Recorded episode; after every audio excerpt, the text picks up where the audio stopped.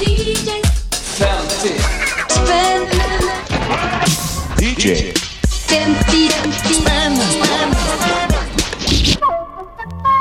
Ja, visst, DJ 50 spänn igen. Och det är precis som vanligt. Formatet är så enkelt så jag tänker inte ens liksom redovisa det mer än fem loppiga vinylplattor för 50 spänn. Och vem är det då som har satt sprätt på 50-lappen den här veckan? Jag heter Gunnar Lindberg Orneby. Härligt att du är här. Vi, Tack. vi har lite eh, liksom, historiskt bagage tillsammans som sträcker sig långt, långt bak i tiden. Ja, vi är fruktansvärt gamla. Vi jobbade alltså tillsammans redan för 20 år sedan ungefär. Jag, jag, jag, rådnar rodnar av någon anledning nästan när jag hör det där. Men, men det här var alltså när webben var ung. När 200 MHz i klockfrekvens var eh, rätt vasst. Någonting man kunde skryta om. Ja, och 4 megabyte internminne. Det var, var ingenting man skrattade åt då. Nej, nej, nej. nej. Det, det var nämligen så att jag och Gunnar jobbade på samma webbyrå mellan 95 och 98 eller någonting sånt där tror Ungefär jag. så, ja. Ja. ja. Jag vet att du också är dels jäkligt vass på musiktrivia Jajamensan. och att du har också en, en eh, så här fritidsgårds-DJ-bakgrund, eller hur? Ja, på 80-talet så var det mycket spela. Det var väl kanske spela hellre än bra. Så Mm. ur DJ-synpunkt. Några snygga taktmixar fick jag väl aldrig till sådär mellan genrer. Men, men så länge man höll sig till någorlunda likadana låtar så kunde jag få det att låta ganska bra. Och självklart hade jag 1200 på den tiden. Det var ju det enda som gällde. Vad brukade du spela för musik? Det var listmusik. Jag var helt... Alltså, jag är uppväxt med två sorters musik. Dels när jag var liten så var det bara sjömansmusik och Povel Ramel hemma. Ja. Vilket vi kommer att få höra lite av snart. Eh, och sen så upptäckte jag popmusiken och det gjorde jag faktiskt så sent som 1980. Eh, och sen var jag helt insnöad och det var att lyssna på Poporama varenda gång och Discorama och sen var det tracks när det blev det. Så att jag kan varenda låt som är spelad på de där programmen, ever. Är, är det så att du mår väldigt gott om du hör liksom Kai Kindvalls röst någonstans från i rummet? Jag har kompletta program inspelade i mp3-format som jag sätter på en USB-tumme som jag sen spelar i min bil när jag är ute och kör. Sitter du på kompletta Poporama-säsonger alltså?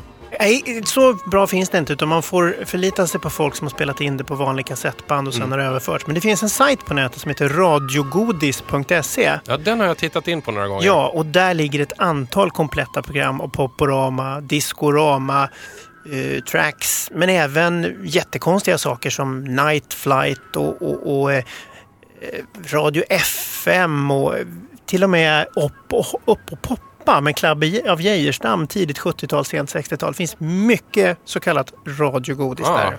Men hör du, eh, Gunnar, vad gör du idag när du inte liksom lyssnar på mp3-stickor med, med radioprogram? Ja, det räcker väl ganska långt i och för sig, men jag är rådgivare och eh, finansiär och sitter i styrelser kring företag, startups. Så att jag har fortsatt med, med webberiet och internet. Och idag handlar det ju om globala ambitioner och företag som ska bli jättestora. Så det är lite bitcoins och det är lite crowdfunding och det är olika saker. Jag jobbar tillsammans med ett coworking space in i stan som heter SAP46, alltså Startup People 46 som står då landskoden för Sverige givetvis. Och där hjälper vi ett antal små företag att växa sig och bli större.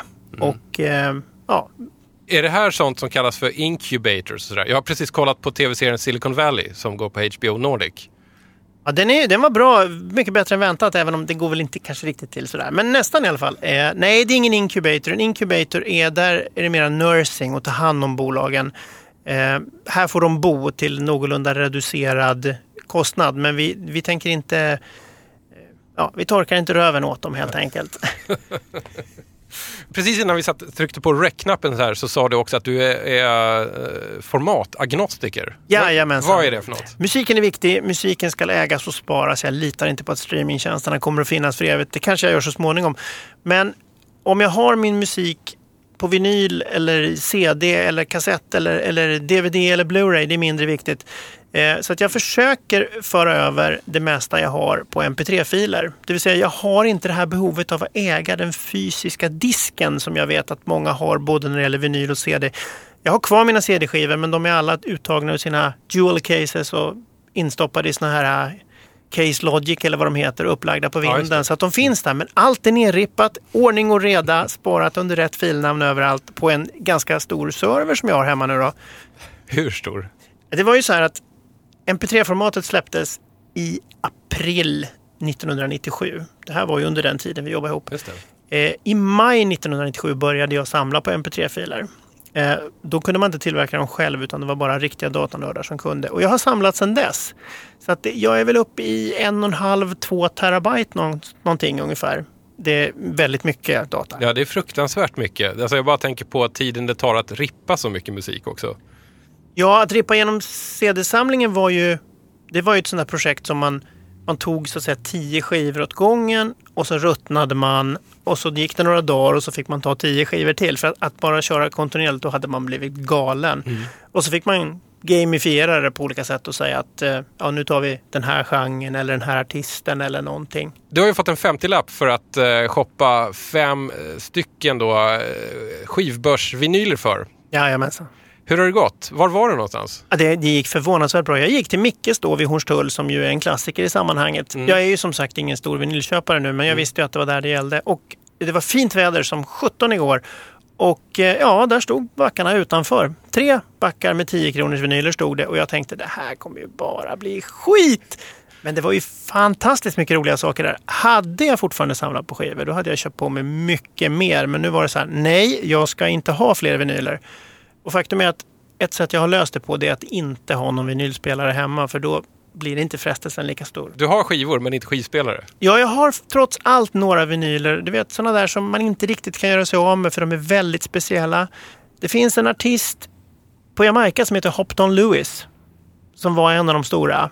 Han var före Bob Marley faktiskt. Eh, jobbade redan på, på eh, dancehall och ska-tiden. Eh, jag har en signerad album från honom som heter Easy Skankin. Och det är han som har signerat det va? så att jag kan inte sälja den. Det Nej, det går klart. faktiskt inte. Nej, det ska man inte göra. Mickes skivor har ju dykt upp förr och det är ju faktiskt av, av ett skäl. Det är faktiskt en fantastisk 10 kronors avdelning. De har ju även inne på golvet och i stora högar och sådär. Jag- hittar alltid minst fem bra plattor när jag är där i deras 10 kronors avdelning. Så att, eh, Jag kan säga att när jag kom till kassan så var det ju den här blonda tjejen som står där och så sa jag här har jag köpt fem stycken 10 kronors skivor. Det blir totalt 50 kronor. Ja, sa hon. Vad tror du det betyder, sa jag. Åh, du ska vara med i den där podden! Jajamensan! jaha, de kände till det. Det var Ja, fint. han Ja. kände inte till den, Nej. men hon kände till den så hon förklarade, eller vi förklarade för honom då. Så nu vet han om det. Ja. Hör du, första kategorin idag blir... Eh, Chansningen. Vill du säga någonting innan vi lägger ner nålen på spåret? Jag kan säga så här att jag köpte den här skivan därför att när jag gjorde research på en artist som jag gillar så visade det sig att han tidigare hade varit med i den här gruppen som jag inte hade någon direkt relation till. Så att när jag såg den här tänkte jag, den passar in på chansningen, den tar vi.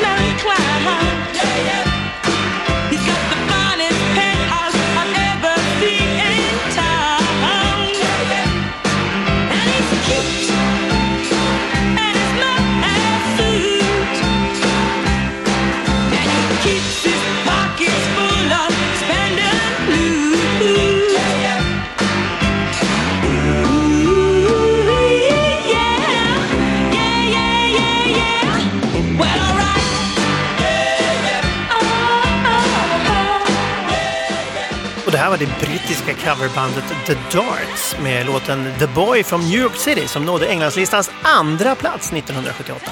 Det var som fan. Jag, jag har chansat också på dartskivor tidigare men märkligt nog har jag aldrig liksom lyssnat in mig så jag minns hur det låter. Så jag tittar på det här glada omslaget som är någon slags flipperspelsgrej flipperspels eh, grej helt enkelt och bara så här, hur låter det här? Och sen så kommer jag aldrig minnas. Men ja, jag vet inte, det här var ju rätt mysigt ändå att lyssna på. Eller, eller vad tycker du? Ja, alltså, det började med att de hette Rocky Sharp and the Replays och gjorde covers på 70-talet och hade lite framgångar. Bara coverlåtar.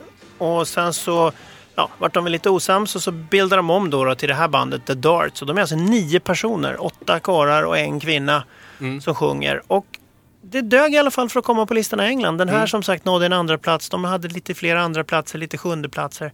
Men anledningen till att jag köpte den här skivan, det var att det finns en artist som Kaj Kindvall spelade på Trax eller Poporama som heter Bob Fish. Och Bob Fish gjorde två singlar bara som var helt fantastiskt. Riktigt smöriga men riktigt bra pop. Den ena heter No Chance där han sjunger I've got no chance of loving you. Och den andra heter Hotel och det är något sliskigt drama som utspelar sig på ett hotell och svartsjuka och otrohet. Så jag var tvungen att kolla upp den här Bob Fish. Han är ju popgeni. Och då visade det sig att han var med i Darts. Jaha. Annars hade jag aldrig haft någon relation till darts för att jag tycker väl det här är ganska tråkigt. De Men här ha- Rocky va- Sharp and the Replays hade ju några lite roligare hits, lite 50-tals, lite mera doo-wop och barbershop Ja, och så. Ja. Bob Fish har jag, var hans sologrejer från innan eller efter Darts? Nej, det var från efter darts. Eh, han, det är klart det är svårt att hålla ihop ett niomannaband när man inte riktigt når riktig framgång. Eh, de kajkar väl runt på engelska landsbygdshålor kan man tänka sig. Eh, så det var efteråt och det var fantastiskt bra men det slog inte igenom. Mm. Eh, jag har sett bild på honom och sådär så att han, han kanske inte var någon popstar på det sättet. Ah, Okej, han, han hade låtarna men inte liksom deluxe? Ja, Eller? bland annat. Ja. Okej, jag förstår. Ja. Men du, eh, jag ska säga det också. Det här är från då ett album som heter Everyone Plays Darts. Eh, från, från 78. Alltså det här är liksom när punk står i zenit. Och så är det här någon slags här, ja men lite så här gammeldags rock'n'roll revival band bara. Ja, det, det, det är ett säkert kort, för dem, säkert kort för de som blir rädda för, för, för punken. Mm.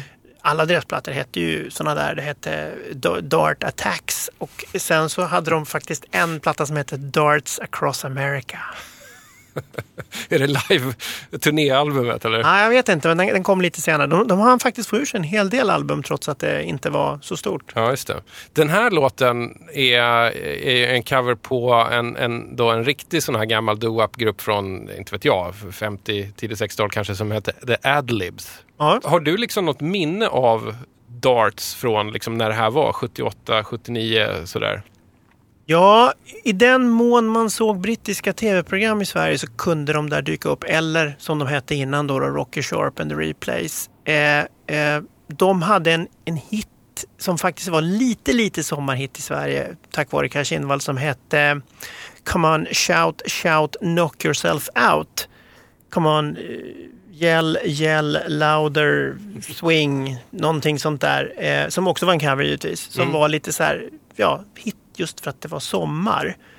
Eftersom man spelade in från radion på den tiden så parade man ihop låtarna med vilka som spelades i samma program. Mhm. Och det var exakt samma program som Kaj Kindvall även spelade Freestyles låt Vill du ha en del av min sommar? Som absolut inte blev någon hit. Jag gillar det här att du, att du liksom så direkt så kan dra nästan så spellistan av låtar från ett program. Ja, ja, så fort jag hör en låt så tänker jag på både vilken låt som var innan och vilken som var efter. Det, det här är ju liksom så här playlisternas Rain Man nästan. Alltså. Ja, Det är det, ju- det är skadligt. Det är, det. det är klart skadligt. Har vi något mer att säga om darts? Nej, jag, ty- Nej. jag tycker inte det. Nej, så men- kul är de inte. Då tycker jag vi eh, hoppar in i nästa kategori. Nostalgiköpet. Det här är en stor del av min barndom. Det här är en skiva som man nästan säger att man vevar igång, men riktigt så eh, old fashion är det kanske inte just exakt här nu. Min pappa hade den givetvis på 78 också. Man klagar jämt på äktenskapets boja den är för lös och sederna för loja. Det är ett faktum att träffa faktum som kontraktum är ej så lätt. När man som jag har greppet om tekniken, man klarar trots sin lilla vän i viken. När jag mig gläder i ogjort väder, så slår jag genast till reträtt. För jag går ut när gumman min är inne och jag går inne när gumman min går ut. Det är det som är livet på en pinne och vår kärlek, ja den tar aldrig slut. Och det tröttar ju aldrig ens en sinne när man träffas så där en kort minut. Så jag går ut jämt när gumman min är inne, jag går in jämt när gumman min går ut.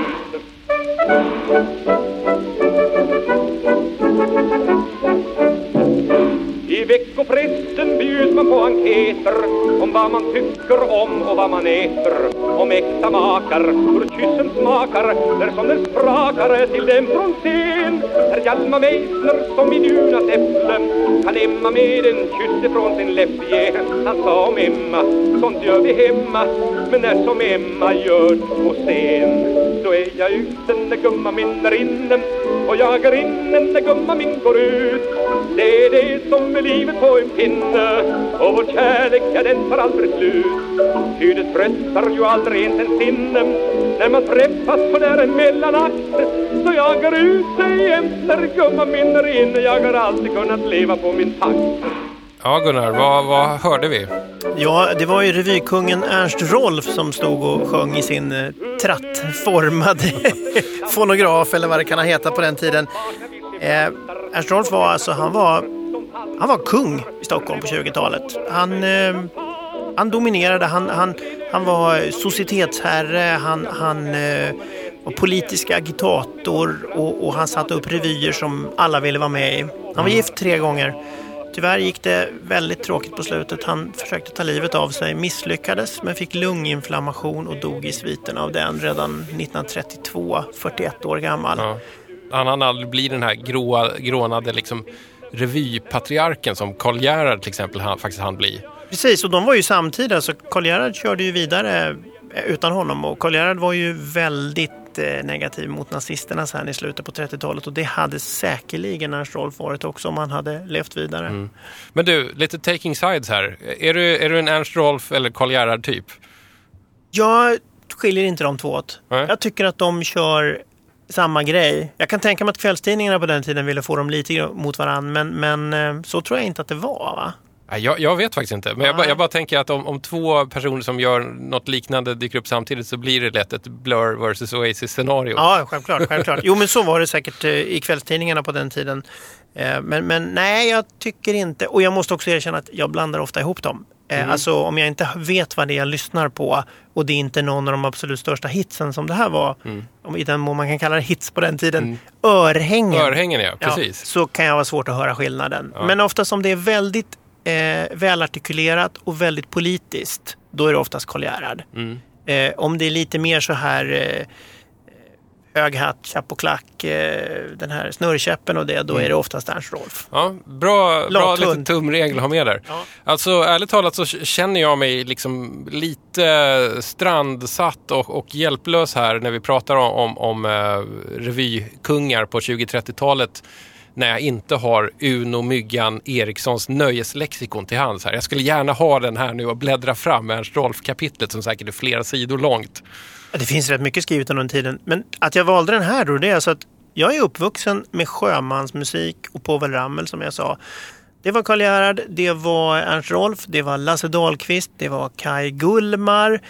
Eh, ja, massa sådana där artister som sjöng om hur det var att vara på sjön. Harry Brandelius, gamla det. Nordsjön, han fick ju en liten revival där, en Nöjesmassakern eller vad det var på 80-talet. Ja, de, Eh. de klippte fram en fräck video med många effekter i. Ja. Och fick faktiskt Harry själv att ställa upp, för han levde ju faktiskt fortfarande då. Nej men så uh, Ungmön på Kärringön och Dans på Brännö brygga och de där, de kan jag ju givetvis helt och hållet utan till. Eh, vilket ju bara är användbart vid midsommartid. Då. Det- Det här, jag ty- tycker det är um, intressant det här med att, att du är uppvuxen med det här. Du nämnde tidigare också att du liksom upptäckte popmusik 1980.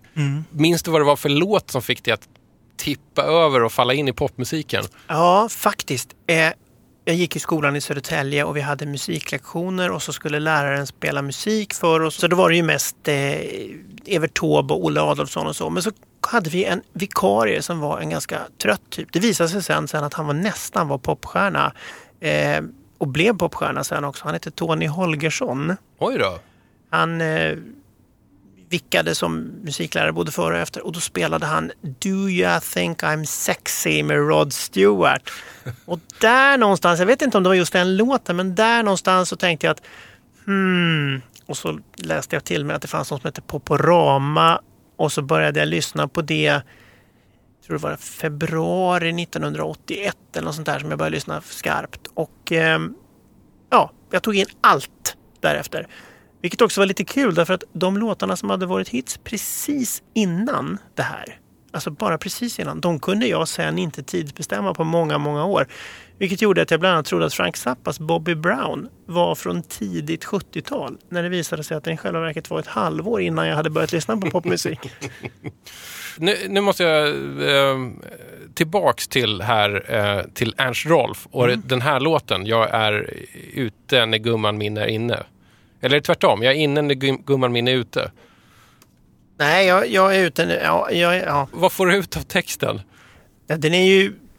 Vid första påseendet så är den ju väldigt politiskt inkorrekt. Mm. Och man ska inte bråka med huskorset som det hette på den tiden. Då tänker man ju på den gamla skådespelerskan Julia Caesar. Som för övrigt var flata, men vi höll ju det extremt hemligt för alla utom sina närmaste som hon hade gigantiska fester med här på Söder faktiskt tror jag. Du, Eh, du är ju Uno Myggan Erikssons nöjeslexikon, slår mig. Jag behöver inte den boken. Ja, det, det är en liten bit kvar tror jag Okej, faktiskt. ja. Min, min pappa är värre. Men om man lyssnar på texten lite noggrannare så kan man höra att det är ju inte så fräscha åsikter om, om, om, om kvinnor kanske, men det är även samhällssatir i övrigt Mm. i, i verserna i största allmänhet. om eh, Så att man kan väl säga att det han sjunger i refrängen syftar både på det han faktiskt sjunger och även på andra saker som det kanske är bättre att eh, inte förhålla sig till eller förhålla sig till på ett annat sätt. Det finns ju en grej i den här låten som, som, som jag hakar upp mig på. Det är att, eh, alltså, att han sjunger Det är livet på en pinne. Eh, jag är ute när gumman min är inne. Det är livet på en pinne. Kommer det uttrycket från den här låten? Absolut, det var en gigantisk hit och på den tiden hade vi inte Alltså det var inte så mycket musik att välja på om vi säger så. Eh, Speciellt inte i den här genren. Så att det är jag helt övertygad om att det gör. För jag, jag har nämligen eh, läst till mig att det finns liksom en slags uttolkning av den här låten, eller, eller i alla fall refrängen på det här. Att, att det här tokroliga med att han, han är ute när, när hans gum- gumma är inne eh, och, och liksom vice versa. Att det är ju som beskrivning av en slags luftfuktighetsmätare som var populär på den här tiden. Som ser ut som ett litet hus och sen är det någon, någon liten grej som känner av luftfuktighet. Och är det liksom hög luftfuktighet, då är gumman ute. Men är det torrt ute, då är gubben ute. Du har rätt. Eh, nu när du Och säger det, det, och, det är där, och, det, och det är på något sätt i den här mekanismen, eller på den här, så är det som en liten pinne och att det, att det har någonting med det att göra. Och men samtidigt, så här, det, är ju, det är ju helt bisarr grej att skriva en låt om. Ja, vem vet, han kanske var delägare.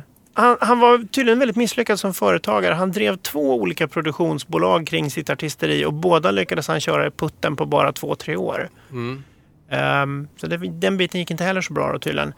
Nej men eh, när du säger det, den här fuktmätaren, jag tror faktiskt att jag har, eh, jag undrar om inte farmor och farfar kan ha haft en sån eventuellt i- på sommarstället. Det, ja. det var liksom sin tid, så här, Billy Bays eh, sjungande fisk på väggen.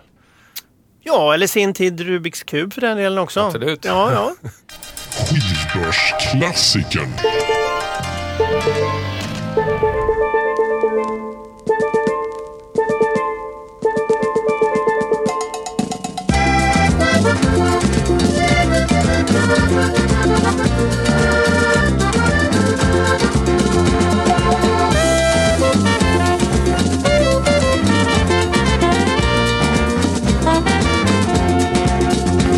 Jag har simmat i Zambezi, ooh vilken flod. Jag har simmat i Mississippi, ooh vilken flod.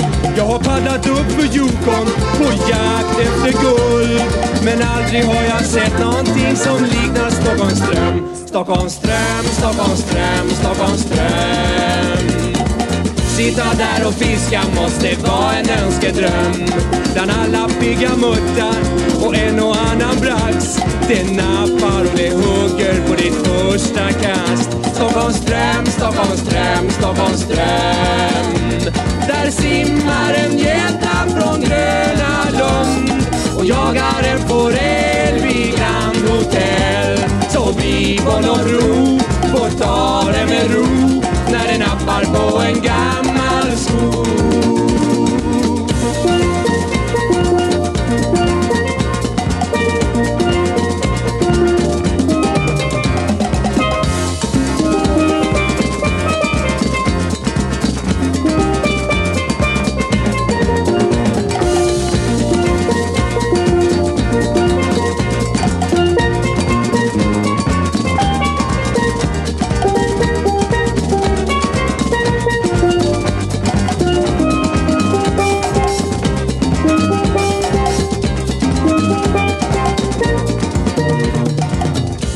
Aston Reimers rivaler med Stockholmsström från eh, ett album som heter Kräol eh, från, vad, vad är det? 1980 står det här. Jag antar att det, det kanske ska vara någon slags variation på det här cre, creole. Ja, det måste ju vara det. Ja. Härligt med lite Stockholms patriotism här tycker jag. ja, det är lite kul där därför att den här låten var ju bara en hit i Stockholm. Eftersom den spelades på Radio Stockholm som då var ganska ungt. I stort sett ja, flera gånger om dagen var jag, som jag minns det. Den, den, den låg på A-listan jämt helt enkelt. Heavy rotation. Exakt, Eh, exakt. den- men jag kan också förstå att den inte gick hem i Götet, alltså ärligt talat. Nej, det är väl lite så att om, om, du, om du hade lagt på den här på, i, i Göteborgs lokalradio på den här tiden då säkert Lasse Brandeby eh, satt där och ringde till Pinochet och sådana saker som de höll på med på Göteborgsradion då. Jag skojar inte, de gjorde det verkligen. Aj, aj, Eh, och det kommer en låt om Stockholm, då hade det ju blivit någon slags Weiron Ottan eh, rage där gissar jag på. Förmodligen, ja. ja. Men alltså, jag, jag minns tydligt den här låten att jag har, precis som du säger, hört den jättemånga gånger. Jag kommer också ihåg att de här heavy rotation-grejerna på de här äh, kanalerna där berodde på att de körde de första hårddiskbaserade systemen och det fick inte rum så väldigt många låtar i spellistorna. Jag kommer ihåg att jag var på någon mässa någon gång där de sålde sådana här system och så frågade jag då Ja, det är hårddiskbaserat och det går att programmera. Ja, hur många låtar får du rum då? Ja, 500. Det är inte så mycket om man ska köra liksom radio hela, hela Om man dygnet. kör 24 timmar om dygnet på en riktig radiostation så 500 låtar räcker inte särskilt långt. Nej, Nej, man, nej. man avverkar 16-17 i timmen ungefär. Men du, det här var loppisklassikern som du valde. Va, vad har du för liksom, ingång på Aston Reimers rivaler? Jag Förutom Radio Stockholm Connectionen här. hade en kompis som inte var intresserad av popmusik men han köpte deras platta Tvål.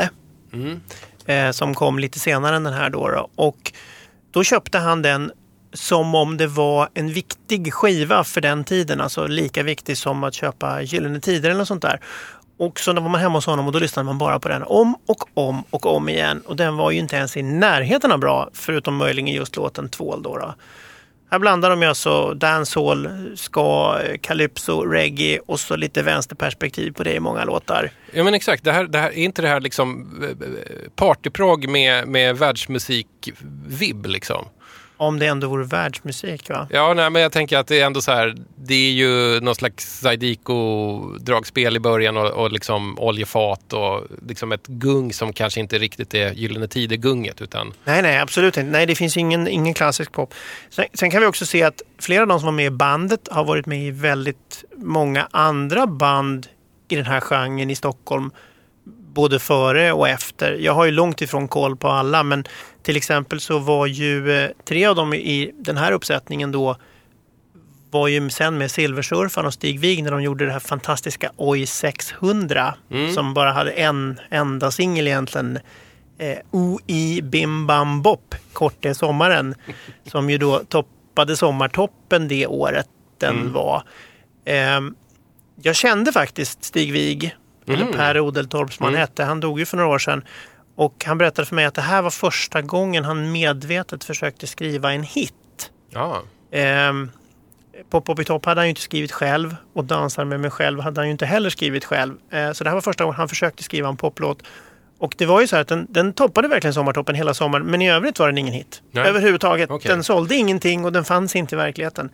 Jag kommer ihåg att jag ägde tolvan på den. Oj, oj, oj. Andra fina gäster på den här, just den här skivan som vi lyssnar på nu är ju att Peps Persson är med och gästar lite grann. Marie Bergman hörs i bakgrunden och sådär. Så att det är ju Det är ju det här lite friflytande svenskt 70 80-tal. Det är ju väldigt mycket bekanta namn på alla skivor känns det som.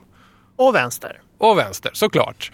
Den här skivan är inte den här anti-kärnkraftslåten med på i alla fall. Nej, alltså deras största hit var ju Godis är gott.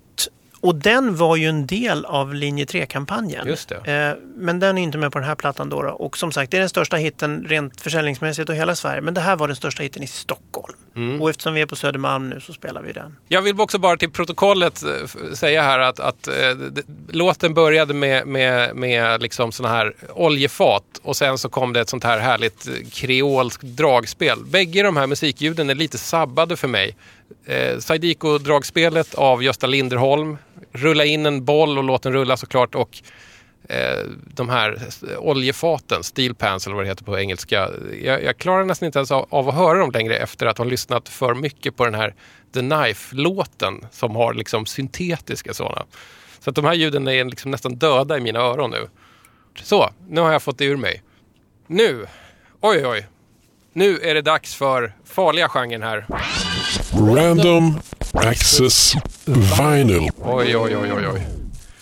Ja, Oj, oj, oj. Eh, Alper, berg, joddel, eh, ren luft, Mm. dragspel, kanske möjligen lite harpa, lite, lite sittra, jag vet inte om de höll på med sånt. Nunnor, kloster, systrar som sjunger i falsett. Ja. Allt, allt som gör livet värt att leva. Här kommer det. Hast du den Freund gekannt, der dort im Grabe ruht?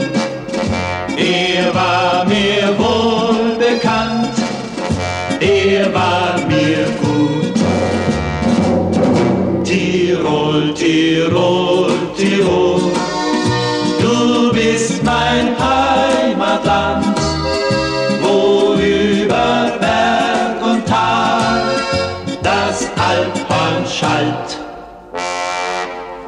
Tirol, Tirol, Tirol, du bist mein Heimatland,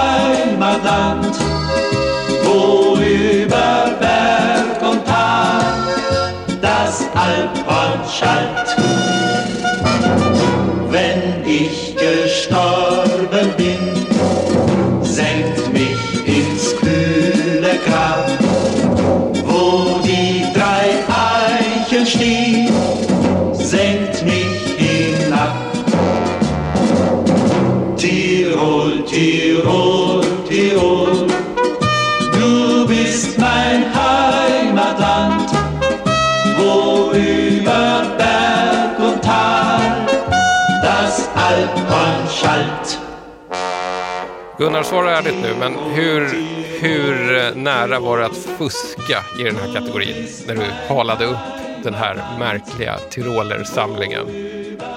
Alltså den, ja, den första känslan var ju att det här går inte. Men så tänkte jag att det här är ju också den enda kategorin där jag kan säga att det inte är mitt fel. Nej, det är sant. eftersom det var verkligen på det sättet att, att det var random access vinyl.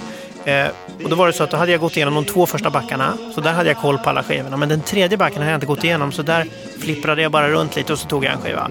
Och då fick du Erinrung... Erinnerungen an die Berge. Det betyder alltså minnen av bergen eller minnen av fjällen. Och här kan vi då se riktiga toppstjärnor som Irmi und Sepp, Josef Hafner, Geschwister Westermeier, Tony Gott Sextett, Die Bergvagabunden, ännu mer systrar, ännu mer systrar och så lite bröder, Tony Sulzböck och Das Große SBB Blasorchester. Eh, jag kan säga att den här skivan finns inte på Spotify. Nej, det kan jag förstå. Det, det är frågan om det ens finns att hitta på discogs.com. Det gör den säkert. Jo, det gjorde den. Den fanns på Discogs. Eh, 23 euro skulle den kosta om jag ville beställa den från någon där. Oj, Ja, så jag, Det var kan, dyrt. jag kan sälja den dyrt. Jag tycker kanske inte att priserna på Discogs riktigt är verklighetsförankrade. nej det kanske de inte är.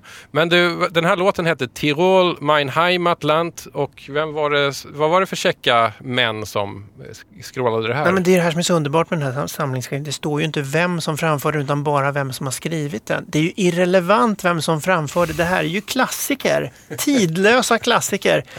Eh, den är utgiven i Västtyskland eh, sent 50-tal eller tidigt 60 tal. Om vi, tittar på, om vi tittar på färgtrycket på framsidan på skivan så skulle jag säga 60-tal. Omslaget ser ut lite som att det finns en bild med någon slags alpnatur här som ser ut att kunna vara som en så här, fototapet från... Om man, tänker sig, tiden om man tänker sig första utgåvan av soundtracket till Sound of Music. Mm. Eh, det stuket är det på omslaget. Men du, eh, jag, jag beklagar verkligen vilken otur du hade. Eh, Eller gillade du det här? Jag tror inte jag ska spara den här skivan faktiskt. Nej. Eller man, man kan göra så som man gör ibland, att man ger bort den till någon annan som någon slags straff. Så den roliga presenten. Jag hade en kompis en gång som påstod att han, ja, han tyckte han hade bra koll på musik, men, men det hade han inte. Eh, för, och så brukar jag reta honom för att han hade en platta med Dio Mm. hemma i, i skivhyllan bland sina väldigt få plattor. Så att när han fyllde år så fick han en gigantisk samlingsutgåva med Journey. Jag vet inte om han förstod det ironiska, men, men för er som inte vet det då, så Journey är den absolut sämsta sortens stadiumrock som någonsin har producerats. Det är märkligt att en, en, gammal Journey-låt eh, fick ju någon slags här, nytändning för inte alls länge sedan, för bara några år sedan. Eh, Don't Stop Believing. Det, det är Ja, väl Journey, eller hur? Ja, men det var ju på grund av den här Glee. uppsättningen. Var det inte det? I serien Glee? Eller var det någon annanstans Nej, den här uppsättningen som, som, som, som de har även gjort i Sverige där Johan Rheborg spelar Ah, rockfarbror. Rock of Ages. Ja, precis. Eh, och kärleksparet i filmen där sjunger då Don't Stop Believin' någonstans en bit in i filmen. Jag har tyvärr då sett den amerikanska versionen av den. På, på, på scen eller? På Nej, nej, på, Ja, på, film. på, den gjorde en tv-version också för så att de där som inte vågar gå på teater, det vill säga de flesta amerikanerna, också kunde få ta del av den. Hör du, vad, vad, jag måste ändå fråga här nu när jag har chanserna. Vad har du för förhållande till tysk musik? Min eh, åsikt om tysk musik från den här perioden är att det låter precis exakt just så här. Mm. Det, Eh. det låter väl, väldigt, väldigt tyskt. Ja, det kan man säga. Men det finns en jättebra låt från 66-67 någon gång med en kille som heter Udo någonting. Eh, Den heter Marmorstein und Eisenbricht. Eh, Det var en superhit i hela Europa, en av få tyska. Och jag är nästan säker på att den kommer att komma tillbaka igen i coverversion så småningom. Det är lite... Jag vet inte vad jag ska likna det vid, men det, det är riktigt, riktigt bra. Den skulle jag vilja rekommendera att ni lyssnar på. Jag tror säkerligen att den finns på Spotify om man tittar. Är, är det slager eller är det pop? Ja, fast är det är slager, men tysk popslager. Han, det är väldigt låga partier och det är också väldigt höga partier och det, det distar över verkligen. Mm. Men det funkar. Jag är ju själv ganska svag för alltså, någon slags urtyska melodier om man kan kalla det. Kanske inte riktigt den här alltså, lite eh, käcka bergsvandrargrejen från Tirol. Men om, om man säger någonting som är som lite mer norrut i Rendalen. Ett, ett slags ölhalsgung med ganska sentimentala sockersöta melodier.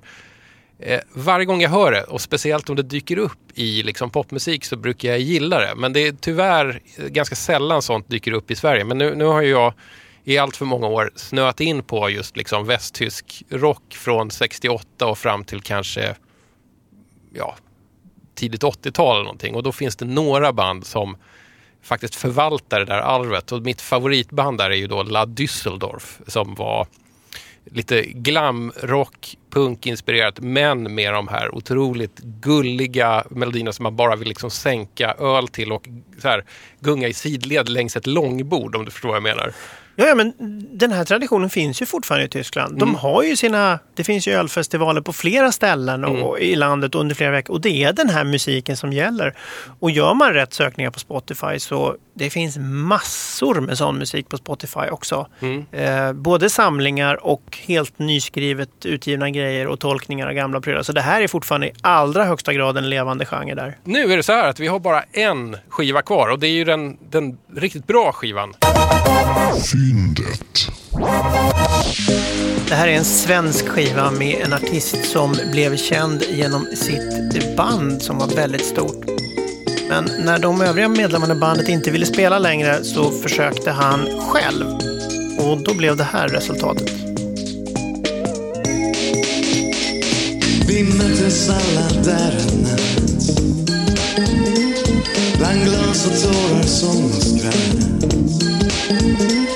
Ja, vi möttes alla där Och vi blev alla kära i Valloner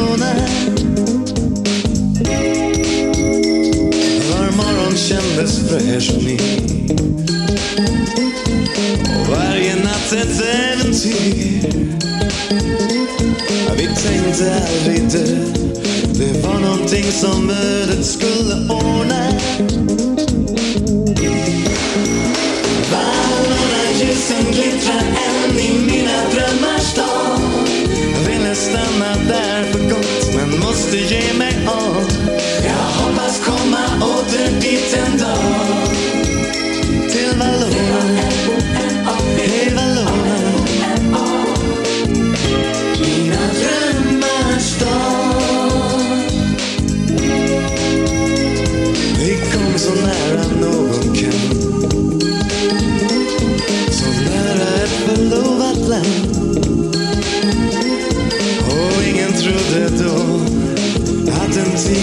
tiden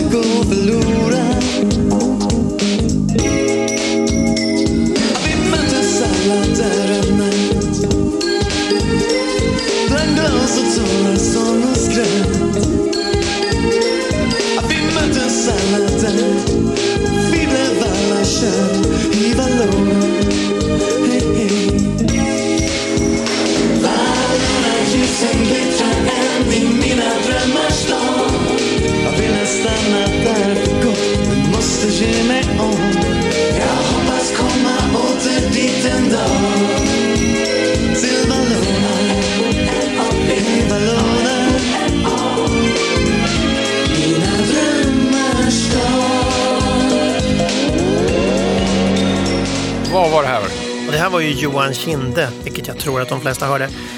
Han, eh, efter Lustans Lakejer så ville han ha en solokarriär och gjorde två plattor. En som heter just Johan Kinde och en som heter Vallona, som för övrigt är en stad i sö- södra Albanien.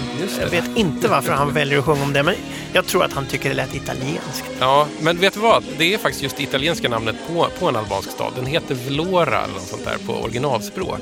Ah, Så ja. det, finns säkert, det finns ju säkert någon italiensk koppling att det varit något italienskt hertigdöme som har haft den staden som någon liten koloni sådär. Ja, och tittar vi på skivomslaget så kan vi se att på baksidan så har vi en, en väldigt hårt stylad Isabella Scorupco sittandes på en vespa. Ja, Och ja, men- det är väldigt italienskt. Eh, och, och lustigt nog så är det här exakt samtidigt som eh, Isabella själv då släppte en skiva. Ja, hon, hon fick göra ett album och lyckas faktiskt få ur sig hela fyra singlar varav Substitute var den populäraste. Och det var ju en typisk sommarlåt som jag kommer ihåg det. Den jag minns bäst är eh, I'll, I'll write you a love song, heter den så? För att den hade en sån här sockersöt melodi som kanske hade någonting av det här tyska smetiga i sig. som jag nämnde tidigare. Ja, men, men så kan det vara. Så kan det vara. Substitute var i alla fall en cover av en 60-talslåt vet jag. Mm. Och jag undrar om inte den här Shame, Shame, Shame. Jo, det är det. Det är en Det var också en 70-tals cover, ja. eh, typ disco eller soul-hit. Ja, precis. Kan faktiskt inte originalartisten i huvudet, men jag, jag chansar på att det är liksom så här från Philadelphia-hållet, någonting sånt. Och jag kan tänka mig att allt det här producerades i samma studio ungefär samtidigt av samma människor. Det är ju Johan Ekelund då från Ratata som har producerat Kindes båda plattor här och allting runt det där. Just det. Och du noterade att det stod någonting kul på eh, Ja. omslaget. Så här står det på baksidan. Eh, Skivan är producerad och balanserad av Johan Ekelund. Och då undrar man, vad, vad fan menas med det? Vadå balanserad? Om man har träffat Johan Kinde då lite grann som jag har gjort så kan jag tänka mig att det är så att Ekelund har försökt balansera det Johan Kindeska mot eh, det kanske mer lite lättillgängliga. Men det är bara en gissning. Mm. Ja, Eh, nu men blir, det är väl en Johan säkert jättearg på mig. Mm. Eh, vi, får se om du klarar dig levande ur det här. Berätta lite, hur kommer det sig att det här blev fyndet? När den här plattan kom, när den var helt ny, då, då missade jag den precis när den var ny. Eh, och det blev, ju ingen, det blev ju ingen större succé det här, den försvann ju ganska snabbt. Eh, men sen fick jag den på CD av någon, inte så att jag fick den som gåva utan att den, jag hittade den någonstans så att säga. Och började lyssna och så kom jag på att jag gillar ju det här. Jag, jag, jag gillar ju det här smöriga och, och stråkiga och så här. Jag vet inte, kommer du ihåg eh, The Honey Drippers? Nej, inte Det var riktigt. alltså Page och Plant Mhm. som gjorde en sidogrej där de sjöng Sea of Love som var en cover på en gammal. Och det, det, het, de hette The Honey Drippers för att det var verkligen sirapsmusik. Och alla Page och Plant-fans tyckte att det här var vidrigt. Och jag tyckte det här, det här är ju genialiskt att de klarar av att göra det här mot sig själva. Så att, ja. Nej men det är samma sak med Living Next Door to Alice. Mm. Många hatar de här stråkarna. Jag tycker, mm, fina Men- men grejer. du- du har en- Gilbert O'Sullivan, Matrimony. Märkligt nog, alltså att Gilbert O'Sullivan aldrig har dykt upp i DJ 50-spännen. För det är ju, det är ju liksom, han, han bor ju i varje 10 kronors skivback i hela landet. Ja, Jag är uppriktigt jätteförvånad över att den inte ens har dykt upp i liksom Random Access vinyl någon gång än. Nej, jag såg ingen på Mickes den här gången. Nej, tror- han tror gjorde det Mickes- ganska mycket plattor dock. Ja. Mm. eh, Och det var väl bara en eller två av plattorna som är riktigt lyssningsbar tror jag. Eh, jag kan tänka mig att Mickes skivbörs Micke har liksom någon gång bara så fått nog och gått och bara rensat ut dem där.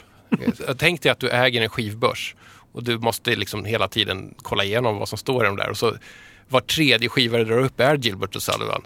Du, man måste ju bli galen till slut. Ja, ja, onekligen. Tillbaks till Johan Kinde nu. Jag tyckte så här, den här låten, den är ju väldigt mycket Orup.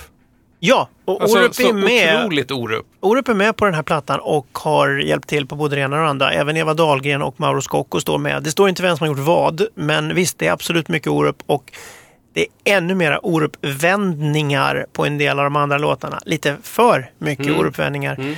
om man ska liksom kategorisera fram Johan Kinde så är han väl han någonstans mellan Orup och Ratata fast indränkt i champagne. Ja, fast själv vill han nog vara så som Lustans Lakejer sjöng om sig själva på de första plattorna. Det, han ska vara ensam, han ska vara olycklig, men det ska vara många vackra kvinnor om, runt omkring honom. Det ska finnas pengar och det ska finnas champagne. Va?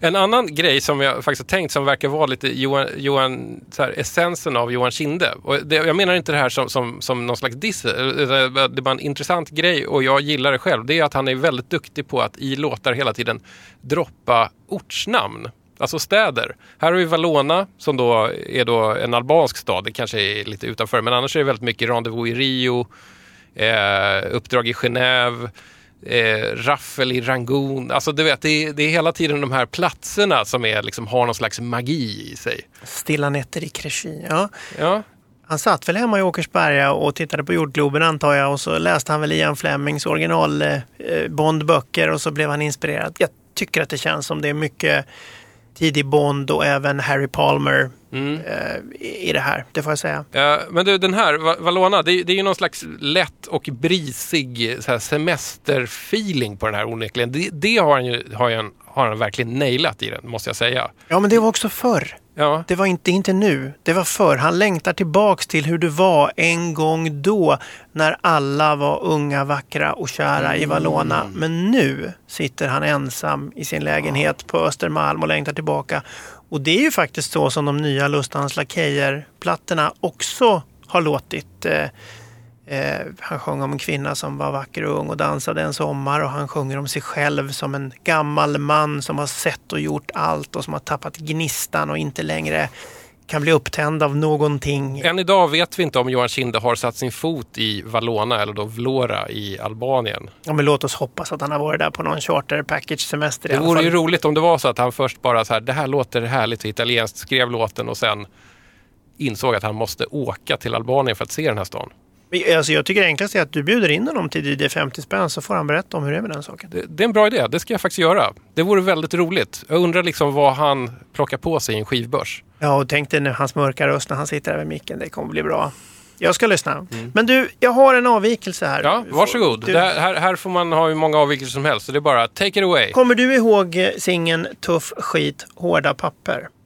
Lite vagt. Li, li, någon slags, eh, ehm, jag vet inte om det var direkt hiphop, men någon slags funk, go-go-aktig grej. Var det inte det? Och lite rap, ja. Ja. Eh, lite så som, eh, som, som det lät där i USA också 1987. Eh, Cole Modi-stuket lite grann, så här, prata lite. Cole Modi gjorde den här Go See the Doctor till Just exempel. Mm. Och det här är ju så roligt därför att det är ju fortfarande hemligt vem eller vilka det var som var de bakom Tuff skit, hårda papper. Och det hävdas ju då att det var Johan Kinde bland annat. Så jag har ju frågat Johan själv då om, om han var inblandad, men man får alltid ett svävande svar på den frågan. Han undviker, han duckar frågan helt ja, enkelt. det kan man säga. Eh, nu känner inte jag honom så bra så att jag liksom kan ställa honom mot väggen och säga, var det du din jävel? För jag tycker den här singeln är helt genialisk. Det var för övrigt också bara en hit på Radio Stockholm. Den tror jag aldrig spelades utanför Radio Stockholm. Ja, nej. Det var nämligen inte en bra låt. Det var bara en rolig låt. Ja, Men ryktet säger då att det var E-Type och Johan Kinde som gjorde den tillsammans. vilken duo. Ja, precis. Och då säger folk att de har aldrig samarbetat. Det kan det inte ha varit. Och då var det någon som sa att det var Christer Sandelin och Johan Kinde. Och sen så flipprade det iväg till helt otroliga namn. Konspirationsteorier. Men, men, Minst sagt. Ja, vi nämnde Orup tidigare. Orup har ju blivit anklagad för att ha skrivit reklamlåten Kyckling på fredag. Men eh, Nöjesguiden ställde ju honom mot väggen med den frågan och då Ja. blev han jättearg och förnekade det bestämt. Han dementerade allt vad han kunde. Så det kanske inte var han som gjorde den. Eller så betyder det att det var just var det. Det är svårt att veta. Han brukar ju inte tveka att vara kommersiell, men det är klart någonstans måste ju Ja, även han alltså, sätta vid- gränsen. Vid kronfågel går gränsen. Ja. Men du vet att han har gjort covers på T-Rex? Det, nej, det Jo, är... eh, T-Rex hade en låt som heter Hot Love. Mm. Den gjorde han en översättning på som heter Smått våt. Som han spelade in med sitt band. Som han hade innan Jubangi. Kommer du ihåg vad de hette? Ja, det här är nog för tidigt för att jag ens ska ha en aning om vilka det var. Innan Ubangi alltså. Intermezzo hette det bandet. Ah. Och de gjorde då Smått våt. Eh, vilket var en direkt svensk översättning av Hot Love. Och där sjunger hon om den här kvinnan som har handskar och korsett som gör honom smått våt. Mhm. Intermezzo var ju, på den tiden trodde jag att det var ett norrländskt band. Jag tyckte Mhm. de lät som de här uh, Hudiksvalls, Sundsvallsgrupperna. Men, men det visade sig att det var ju Stockholmsband. Då. Vi- Vilka Sundsvallsgrupperna? Ja, Är det jag tänker på i första hand är ju till exempel Distinkt och deras låt försök från 1982. Typ. De låg väl på mistlur som alla sådana där band. Och det var ju ganska gnällig och uppgiven eh, rock med någon slags new wave-grej. Alltså vilken referensfest. Jag, jag sa ju att du är väldigt bra på musiktrivia så att det här kommer ju... Här forsar namnen fram. Alltså, Det var ju så att det kom ju inte så mycket svenskt som var bra. Så när det väl kom någonting som var någorlunda bra så spelade ju Kaj Kindvall det för att väga upp all den amerikanska och brittiska musiken. Så att de få grejer som fanns fick man ju höra. För det gjorde ju inte Klabbe. Han spelade ju bara det som han visste funkade. Det var ju därför man lärde sig till exempel Haircut 100. Mm, de hade man ju aldrig tagit, fått reda på om inte Kaj Kindvall hade varit så kära i dem. Ja. Eh, och sen hade vi australiensarna eh, som sen blev eh, betydligt eh, poppigare. Eh, Michael Hutchins band. In Excess? In Excess, ja. Ah. De var inte särskilt lättillgängliga i början. Men han Nej, men- spelade dem väldigt tidigt redan. Nu känner jag lite att eh, minneskortet eh, börjar bli fullt. Jag ser att det blinkar här. Ja. Ja, eh, så det, det är hög tid nu att, att knyta ihop den här skivsäcken och eh, det är som vanligt då dags för lite mer tyskt. Ja. Västtyskt för att vara exakt. Skräckblandad förtjusning. Om du får välja mellan James Last och James Last. James Last 1976 eller 1974, vad säger du då? 74, helt klart. Det här, det här är faktiskt lite grann av en chansning. Jag vet inte hur det här kommer låta. Ja, bring it on. Jag vill gissa. Jag tror inte att jag själv skulle kunna klara den här, men du kanske gör det. Vi får se. Jag tror att det är Bad Moon Rising. Nästan. Nästan. Riffet är likt ganska länge.